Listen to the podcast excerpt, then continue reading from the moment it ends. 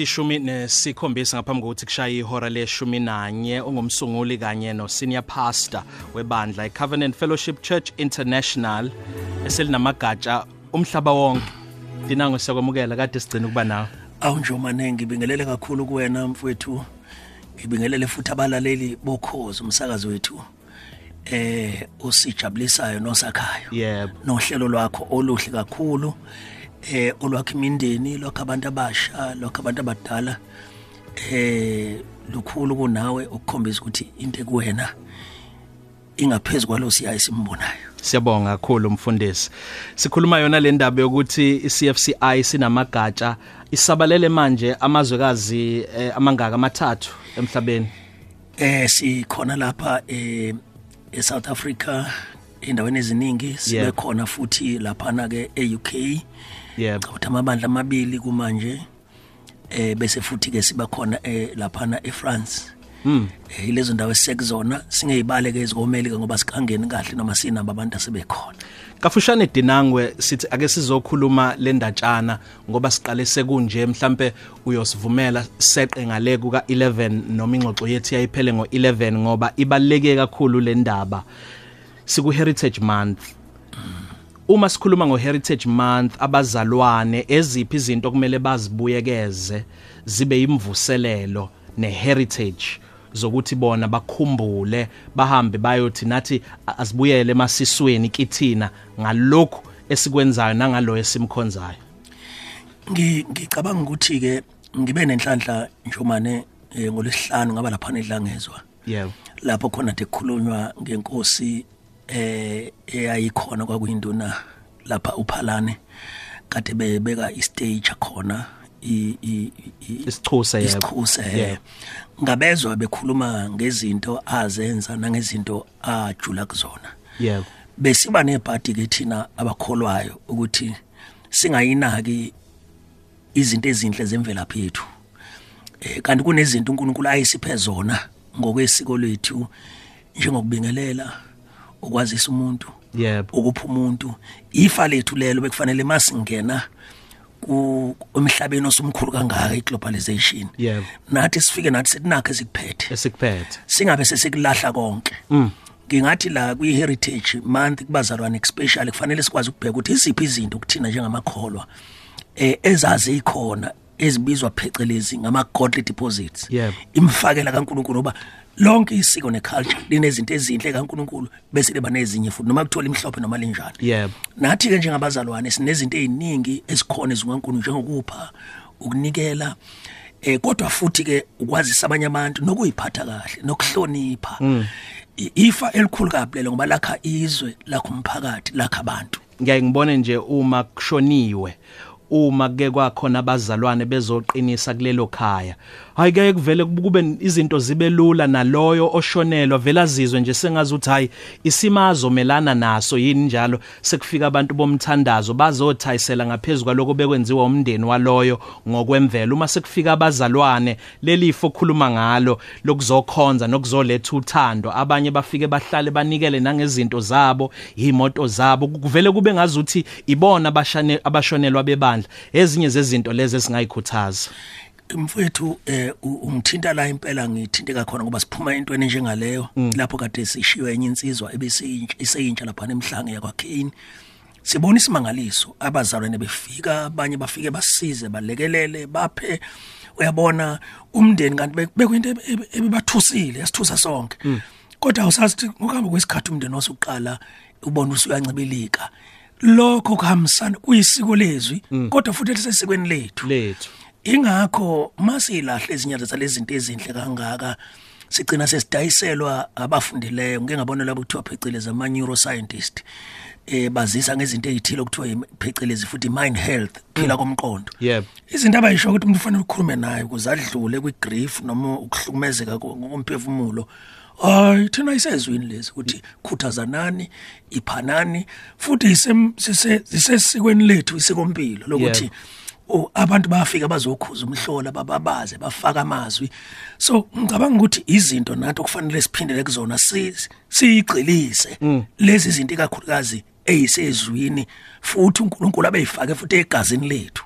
Ngivamile ukuthi masinawe ngikhumbule lenkulumo ka Dr Maswanganyi ngesikhathi ekhuluma ngokuthi wabhala ithesis yakhe ngehuman culture.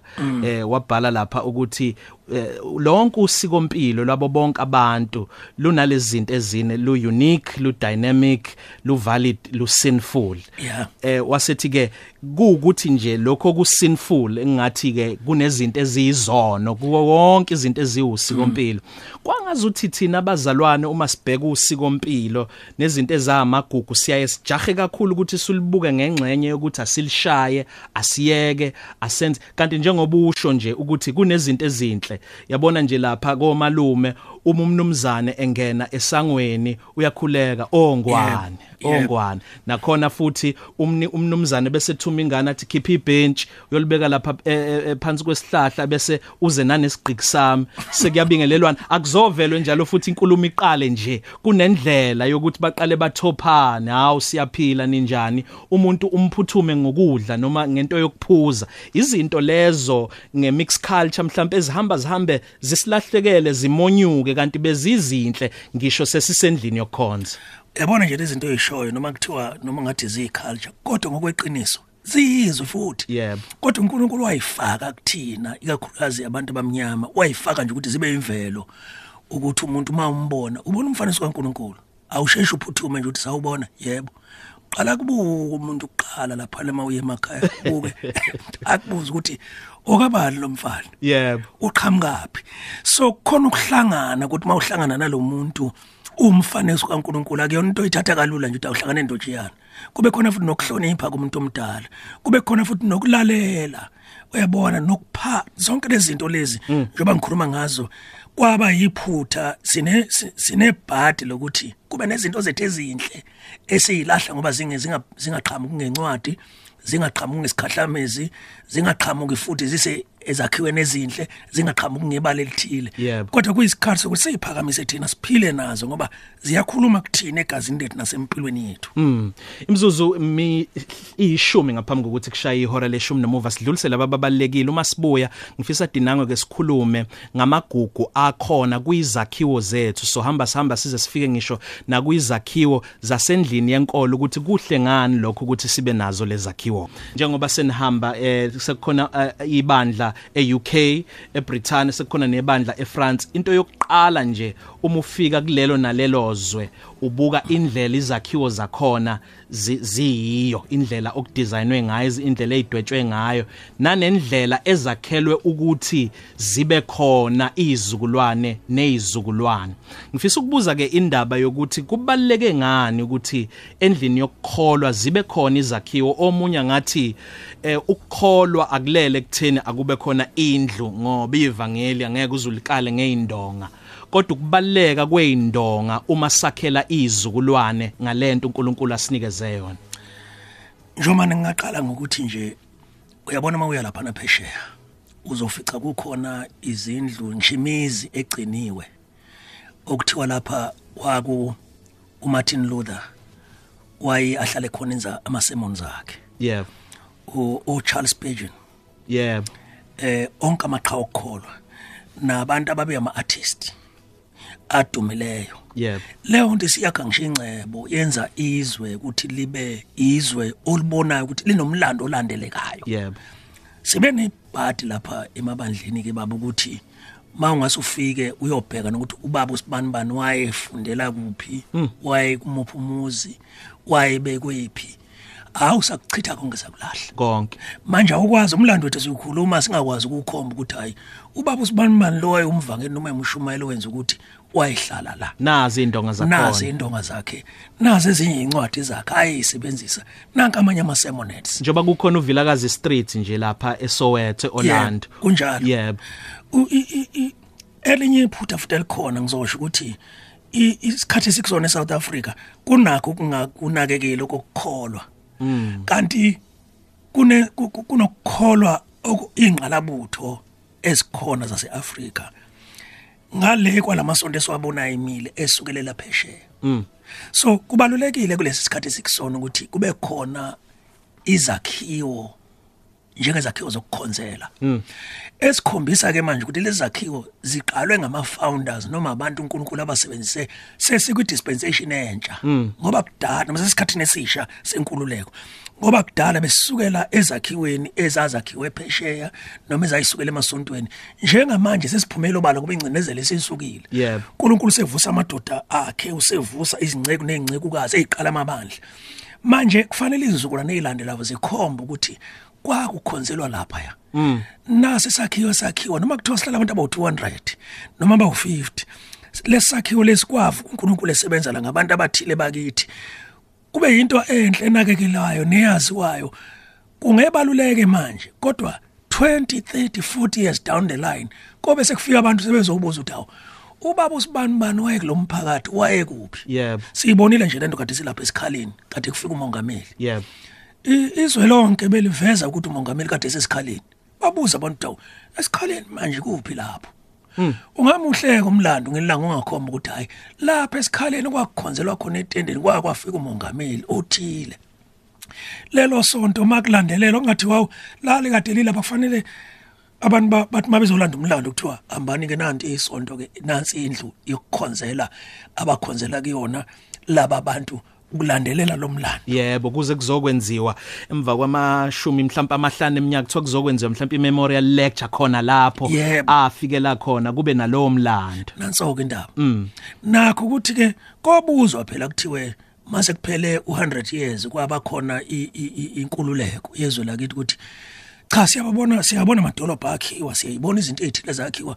Aye kuphi amabandla? Apha amabandla asuka kulesi sikhathi lesi abantu sebenento mhlambe phecelezi kuthiwa self ngayibiza ukuthi self determination lapho khona ngokwabo beyibone ukuthi hayi sizokwakha kanje sizakhela thina siyisukela e- into esho ukuthi imvelaphi yethu singobani simkhola kanjani uNkulunkulu? Lamabandla esingathi amabandla amadala noma ama mainline churches noma ama traditional churches ngicabanga ukuthi enye yezinto ukuthi akwazile ukuma asimame ayikuphela nesifundiso enye yezinto ukuthi izindlu zikhona kukhona izindlu ongayikhomba emalokishini ongathola ukuthi babe babeqinisekile ukuthi bakha nge nge nge nge ngempahla noma nge ngematerial ezokwazi ukuthi ilaste iminyaka neminyaka sekuphela amakhulu eminyaka ikhona kunalento yokuthi ukhokho wayekhonza khona ugogo wayekhonza khona uma wayekhonza khona nami ngikhonza khona. Kunjalo baba kangakuthi mawufika kwamanye ama- a- awo uthola kubhaliwe lapha yana abanye abantu abagama abantu asebahamba ngenxa yemagalelo abo. Ubone ukuthi kunomlando ukuthi eh kwakwaba khona usibabo sibanibani lapha ngesikhathi liqala leli bandla. Omunye usubhala ukuthi hayi kwalona le site yanikelwa usibanibani uyabona umcebo loyo osilahlekelayo thina ubona siba amalulwane manje okungazi ukuthi kwakusukephi kwakwenze njani? Khona ibandla nje esike sa sathengiselana lona kanye namaluthela lapha neshoya hayibo eh salithenga selinomlando omude o 1960 bani. Sithema siyithenga kunetshe lapha ebhale ulavu lo ubani kunanesikhathi na- nanezithombe ezindala bathi mabeyithatha sathi na icala neyigcine ngesisuse lelitshe. Ngoba liwumlando sifuna bese sibhala umlando ukuthi nathi ke sithema sesifika sathi masithenga kodwa naqala. Yebo. lokho kuba yinto eba of value noma yinto eba eba nomsoco. Yini ebeyinselelo dinangwe kulamabandla esingathi ama independent maqondana nokwakha? Eh mhlawumbe into esingake siyiqale khona into engibiza ngemissionary attitude. Yebo. Eh umqondo wokuthi uyenzelwa into. Amasonto amaningi amadala ama akhiwe kahle. Ayakhiwa ngezimali ezisuka phesheya kwezilwandle. Lokhu kwenza umqondo isiko umqondo elithi isonto kufanele vele lakhiwe. Abantu bangathatha ukuthi bazozenzela. Lamabandla angama Pentecostals nama charismatic in particular namanye ke mhlawumbe asuke eqala nawo asenalo nawo futhi lawa uh, uh, uh, esithi ama mainline churches senawo leyo nkinga manje. Njengalokhu kungasekho usizo oluvela phesheya. Lokuthi amabandla akhiwa uphophu noma akhiwa asuke eRome noma akhiwa asuka eEngland Isponsor esithile. asekho. Sekufanele manje kuqalwe ke manje ukuthi abantu bafundiswe isiko lokunikela ukuthi uyazakhela isakhiwo. Sesibhekana ke manje nengqinamba ukuthi izakhiwo ziyabiza. hayi ukudlala. Hayi ukudlala. Eyokuthola isite kuyabiza. So ke angeke uqhathanise lamabandla namabandla lawa amanye ngenxa yokuthi lawa baqalwa phansi isiko lokuthi uyayiqalela uyanikekelela akukho umuntu okusizayo. Lokho ke nje ukukodwa kwenza inkinga enkulu. Okwesibili sina inkinga engingayisho mina ukuthi eh ku- kukhona ukuthi nabasepolitikini naphi naphi. Bathi mabebuka amabandla nabakubuke ngalokho kube likhuni ukuthi kulesi sikhathi esisha amabandla athole izakhi izizinda ama sites lapha engakha khona. Uthola ukuthi ku- ku- kuno- kunokuxakaniseka okuthile kuba khona. Amabandla amaningi ayathanda ukwakha kodwa ukuthola indawo la kodwa kuba inkinga enkulu Azitholakali. kakhulu. azitholakali. Abanye futhi esithathu noma seniyitholile indawo uthola ukuthi khona ungabambisani kahle phakathi kwamabandla asuke letha amaplani. Mhlambe ey'ngxenyeni zomasipala naphi naphi kunokudonsa inyawo ikakhulukazi ngifuna ukusho lokhu baba mhlambe ukuthi siye sibone ngasuthi amabandla amhlophe nabantu abasepolitikini bayashesha ukulilalela lelo bala. Uma kwabantu bakithi esikhathini esiningi kuba nohudu lenyaka kube nepolitiki yamasonto uthola ukuthi kuthatha isikhathi eside kakhulu abantu baze bakhathale noma kade bethi bakhuthele ukuthi bakhe. Ziningi izinqinamba okunye-ke futhi okukhulu-ke kuwukuthi njengoba sizakhela abantu bakithi nabo badingile. Imali sathatha idingo zabo nabo aba- aba- akubona abantu abaphethe amabhizinisi abaningi babo. So uthola ukuthi nalo- nalobo nsumdlwana abancane ababahlanganisayo ibhilidi lona liyifulela nje u-2 million. Yeyi. thina basiqoqa ngesonto kuphuma u-2000 ngesonto elilodwa nkosi yami. yes. Kusamele njalo kubhekelelwe nezindleko zebandla Iy'ndleko zonke, kuyo ya. lengcosana Yebo. izoqhamuka phi? Pho nanso-ke eyesakhiwo indaba kakhulu. A- a- awusiphe eh, dinangwe uma kulungile eh i case study yase CFC yase CFCI yokwakha. Ngiyakhumbula ukuthi ngithi kwaku 2014 kwaba khona isakhiwo esihle esaba se Richards Bay. Lo mkhankaso kuya ngokuya kungazuthi uyaliqhuquzela ibandla zokuthi azande izakhiwo. U- u- ungasipha ukuthi kwenzeka kanjani nokuthi kuyenzeka yini ukukhuthaza laba mhlawumbe abathi ayi sesizamile senze omagaladina sazama ukwenza i- izinto zokufundraiser ayi ngeke akulungi. Ngi- ngingathi mina saqala ngo-2003 isakhiwo sethu sokuqala. Eh ibandla lalikade liqale ngo-2000 no-1994 ha 11 years. Eh sithe nje masi si- si- singakaqedi unyaka u-10 years. Sasingakaqedi u-10 years ngoba saqeda ngo-2004 yebo sathi sabe sesithenge isakhiwo esaqala ukusiqoqela imali yaso ngicabanga ukuthi ngo-1998 Hmm. kwakuyisakhiwo esikhona sasi-onishwa kwakwesika old mutual. Sasiwu-300000 yeyi! Yaba lukhuni into. Saqoqa sisanda kuqala seqoqa sonke sasikhipha u-200 and 50 abanye ababekhokha kakhulu. Yebo abanye bekhokha u-100 rand njalo ngenyanga siqoqela le mali. Kwawulukhuni ukukhipha u-250 ngenyanga. Kodwa ngomusa kaNkuluNkulu sakwenza sikhuthazane senze ezinye zezinto ama-fundraisings.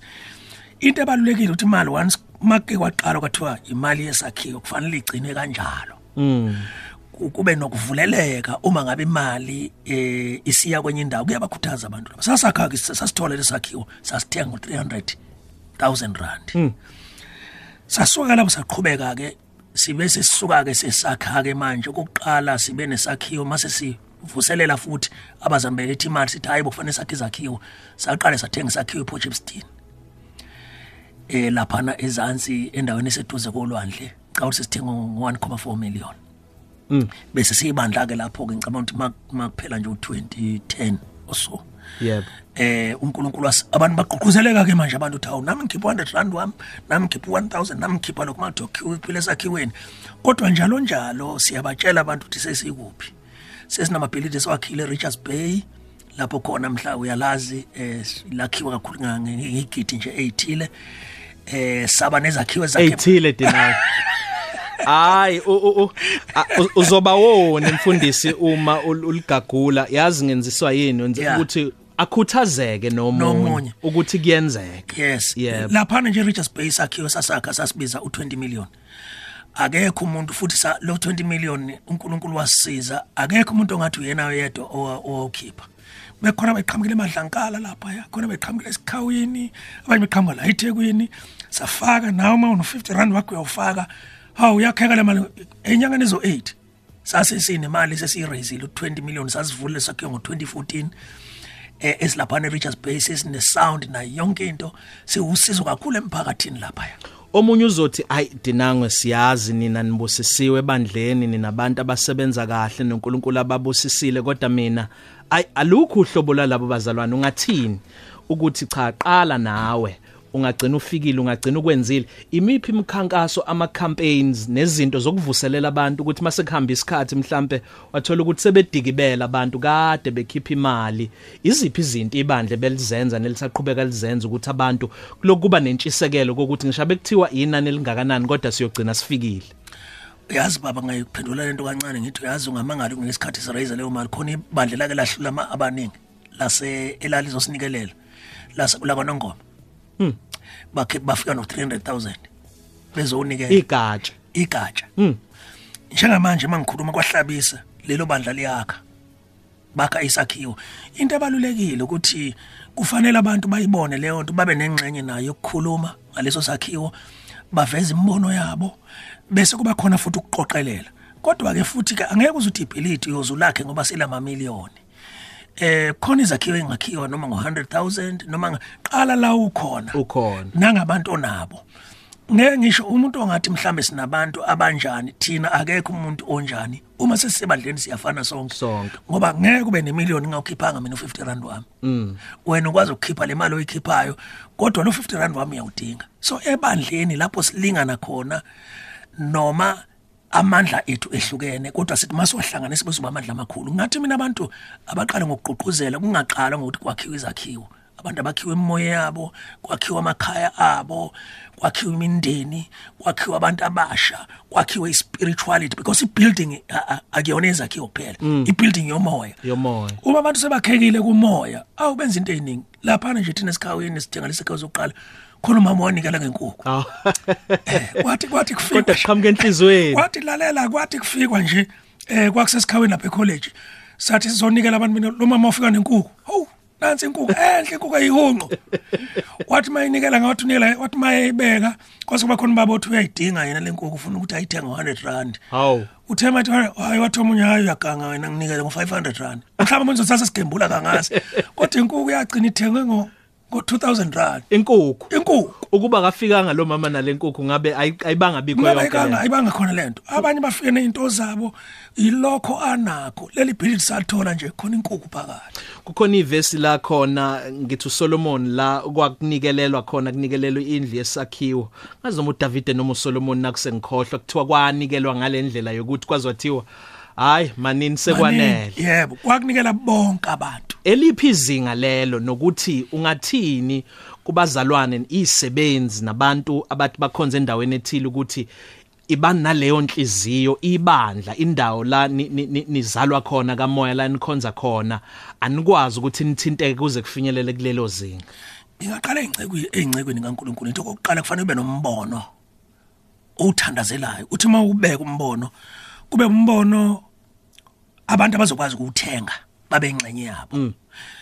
Bese ngithi kubazalwane uma umfundise bekumbono nina eninolwazi olunye umfundisi angenalo ethasiselani lapho ukuthi lo mbono ube umbono ophekekile ozokwazi ukuthi udayiseke enhlizweni zabantu. Futhi kube umbono ohlonipha uNkulunkulu nezwi lakhe. Njengokuthi nje mhlawumbe makhona ama architect noma kukhona abacwaningi mabhuku noma kukhona abaziyo ukuthi uhlelo lokwakha luhamba ludlile kuyiphi imigudu ngakho udinga buphi ubuchwepheshe nolwazi. Kubaluleke kabi baba nanokuthi lesakhiwo lesi sizokwenzani? Ngoba ukuthanda kwakhe isakhiwo nje ukuthi kokhonzo ngesonto kuphela akwenele. Esikhathini samanje futhi. cha. Fanele isakhiwo masikhona endaweni. Lesi nje esasithenga thina esikhawini. Bayazi abantu. Bese siza khona abantu aba- abahlaselwe isifo sengculazi. Yebo. Eh HIV and AIDS besinama orphans and vulnerable children abesizakala lapha. Njengoba ngikhuluma lesakhiwo sikhona siyasichitha ke manje bese sesithenga lesesoka kade sesisha esikhawini yebo. Lesakhiwo njengoba ngikhuluma nje kunabantwana abawu80 abafundela khona bafundiswa khona eh ukwakha emgaqweni construction. 18 months benza lokho. And banikezwa amathuba ukuthi bayokwakha baphinde bathole imali baholelwe njengoba wakhe umgwaqo lapha esikhawini Yebo. so ibandla isakhiwo kufanele kube isakhiwo kungabi white ulimi lwasemzini uthi white elephant isakhiwo nje ukuthi kuhlangana ngesonto kubuye. Kodwa sisiza kanjani umphakathi? Sishintsha kanjani impilo zabantu? Lesa nje ngikhuluma ngaso sase sifundisa abantu ukwenza ikho- ikhompyutha ama skills ahlukene. Njengoba kukhona abantu njengamanje abahlaselwe i- ama drugs i- i- idakamiso kufanele amasonto akwazi ukuthi mayiletha izwi alethe futhi healing nokuphiliswa emphakathini. Kwasemphakathini. Ya. Mm. dinangwe la mhlambe kunceku eh okuyena mhlambe ubaba umfundisi webandla ungamnika inseluleko sokuthi ungathinti ezimalini wena? Iba nabantu abaqeqeshiwe nabayaziye indaba yokuthi kubonelelwa imali ngoba mhlawumbe uzolingeka uma niq- nibekile ukuthi sidinga imali engaka ukuze sakhe. Wena usubona esinye isidingo mhlawumbe usuthatha uyofaka khona. Ungathini lapho kweluleka usho ukuthi inceke izo- izonyula amaqatha ebhodweni Ebhodweni. cha lokho kuhambisana nokukhula. Kuhambisana nokukhula ukuthi eh uma kukhula ibandla linikela likhula nomsebenzi umfundisi uyakhula. So asikho idingo sokuthi uyoxambukela uyofuna ukuthi ngoba usukuyilimaza wena. U- u- ngamanye amazwi kubalulekile lokho kushoyo njomani ukuthi uma ibandla lizokhula ekukholekazi sekho khona izakhiwo kunama accountants kunama kunabantu abasebenza izimali kunabantu abasebenza emabhange. Akufanele umfundisi akwazi ukubasondeza abafake izwi kaNkuluNkulu bakwazi ukuthi bamsize. Ngicabanga ukuthi lezi zakhiwo nje engikhuluma ngazo mina ngisizwe yilokho. Lokuthi namanje mangase ngingakuvulela singathi mawufika ebandleni mawusuka sebandleni ukwazi ukubona amabhuku bengikhuluma ngakho ekseni nje namhlanje Yebo. ukuthi imali engenile ibe imali engaka yaphuma yangaka yenza ukuthi lokho kuyasiza nje njengebandla nabazalwane futhi kuyabagqugquzela ukuthi bakwazi ukuqhubeka baye phambili ngiyakuncoma lokho ukuthi abafundisi abazami bathole umuntu abazomthemba ngoba omunye umuntu uyamfaka lapha umbono kufanele azi ukuthi umbono unikezwe lo wabizo uNkulunkulu umfundisi Yebo. kodwa yena ukuthi ke lama resources amsiza umfundisi ukuthi abe isisebenzi esithembekile esiphatha kahle izimali kaNkulunkulu zikaNkuluNkulu. 24 minutes past 11 asivale dinangwe. Bafundiswa kan- kanjani abantu? Bafundiswa kuphi? Khona nje mhlawumbe othi ngimzwile uDinangwe lento yokwakhiwa kwezakhiwo nokwakhiwa ngokomoya ngize ngikhulele ukuthi nami ngibe uhlobo lokuthi umbono ngikwazi ngempela ukuthi nginikelele kuwo njengalabazalwana babenikela etempelini likaNkuluNkulu lakhiwa uSolomon ngabe ngifinyelela kanjani kulelo zinga? Zikhona yini ithangami neinkomfa ezingaba khona ukufundisa ngalokho Jomane uyishaya isikhonkosini ke manje? Sinekonfa enkulu evulelwe la eICC Arena. Sivule iICC Arena. Lapho simema khona wonke umuntu ungena mahala futhi kusukela mhla ka27 lo le leli yasontolela kuyo lenyanga yebo. kaSeptember ukhukhulela ngoqo ke loyo ke sibiza wonke umuntu umuntu omusha ugogo umama umfundisi. Sizokhuluma i- i- i- indikimba itheme ithi i build sizokhuluma qala ngokwakhiwa komuntu nje uqobo lwakhe ukwakhiwa komndeni ukwakhiwa komuntu omusha ukwakhiwa kwempilo yomuntu. Kodwa bese kuze kufika futhi kwakhiweni kwezakhiwo ngoba ngomgqibelo wakhona siyobe sine ne- ne- ne- negaladina e- eqondene ke nokuthi si raise nathi iz- i- i- a- i- i- imali siphaka siqongelela imali zokwakha isakhiwo zobe sesikhawini kodwa nje kusukela ngom- ngomhla ka27 olwesine inkonzo izobuvulwa yena prophetess nomsadlo inkonzo enkulu. Ngomgqibelo ekseni sino ngolesihlanu ekseni sino Bishop Basil Tryon. Uzobe efundisa futhi naye. Olwesihlanu ebusuku khona uDr Pearl Coupe hayi ku- kobe konakele. Kuthi ngo- ngomgqibelo ekseni sobe sino prophet uHutswana yebo I- indoda uNkulunkulu ayipheka kakhulu nasemthandazweni nakwi prophetic word. Siphinde sibe no Michelle Tryon. Bese kuthi ebusuku sobe kukhona naba kwa TBN CEO ya TBN sobe sinawo lapha. Eh no Sipho Mseleku ophethe i i global bayibiza nge-GBR eh eh eh i-global round table eh ephatha osondonzima abakholwayo across the world. Yebo. bese siyivala ngesonto ekseni ivulele wonke umuntu usonto apha noma ukhonzi noma unjani. Ngithe mina ekuseni ngikhuluma inkonzo ngathi ngizobe ngiqala mina ukungena e-ICC arena ngingakhokhanga. Ngaphandle bakuhulumeni wonke umuntu ukhukhulela ngoqo simema mfundisi simema mzalwane simema ngishoda kaya enkonzweni eze. Ngoba kuyindumo ezulu idile sobe sidla. Sidlizwe kaNkuluNkulu. Uzophuma wakhekile. Ngicabanga ukuthi wonke lo mlando onawo eh hayi nje mhlambe eh, usumfundisi kodwa ukholwa ubona ukuthi ukwakha kanje akulungile. oSanballat no no Tobias baqhamuka kanje bezodiliza into enhle. Wakha kanjani ukuthi ngapho uphethe ithuluzi ngapho uphethe inkemba eziphi izinto kumele uyibheke? Izo zonke izinto eziyobe zikhulunywa lapha. Izo zonke izinto kangathi ngolesihlanu nje kuseni ngifisa kakhulu lesihlanu lokuthi ingceke uyifike ngoba ngizobe vele nami ngikhipha emveni kwaBishop Basil ngikhipha eh, izinto engaphakathi engeke ngiyikhulumelana eyincekweni nakubazalwane abazungeze abafundisa amabandla. Ezi ezi- okuyizona ngempela ngoba akufuni sifihlelane ngoba ukukhuphuka kwebandla CFCI ayikwazi ukukhuphuka sinqobe sodwa. Fanele amabandla abe maningi azokwakheka kwakhiwe kuhlanganyelwe. So ngimema nje ukuthi abantu abeze ngoba sizobe sikhipha imfihlo zonke zokwakha umbuso kaNkuluNkulu ngoba njobani ngiyakholwa this is the time for the church. Siyabonga kakhulu Dinango. Eh ngiyabona ukuthi konke kusebenzelane kwaba ngokokuhle.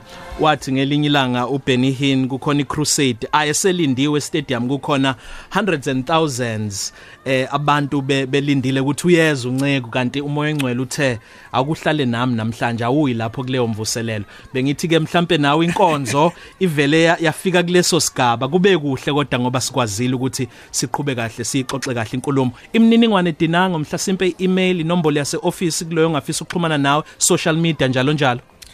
abasithinde lapha mabe ku social media babe Covenant Fellowship Church International bazoyithola ke kuzo zonke indawo Yeah. eh abathola khona kodwa abafuna ukuthenga amathikithi asebusuku eh bangangena ke bakwazi ukuthi bangene khona la ko web tickets endaweni enjengalezo bangene bazothola ukuthi bathola amathikithi kodwa ke uma ngabe umuntu efuna ukuthi asithinte angafonela inamba 031 2010 428 eh befuna ukuthi bakwazi babe nezine ba- baqonde kahle. Inkonzo sobe iqala njalo ebusuku ngo6 mhla ka27 ngo9 ekseni mhla ka28 ngo6 ebusuku mhla ka28 njalo ekseni u9 ebusuku eziqala ngo6 Mfundisi siyabonga kakhulu. Mhlawumbe ungasala ususivalela ngomthandazo nje wokuthi asakhiwe kuyo yonke ingxenye yokuphila kamoya ngokomqondo ngokwemfundo ngokwemali nasebandleni sikwazi ukuthela sibe sizuzisa umbuso kaNkuluNkulu emhlabeni.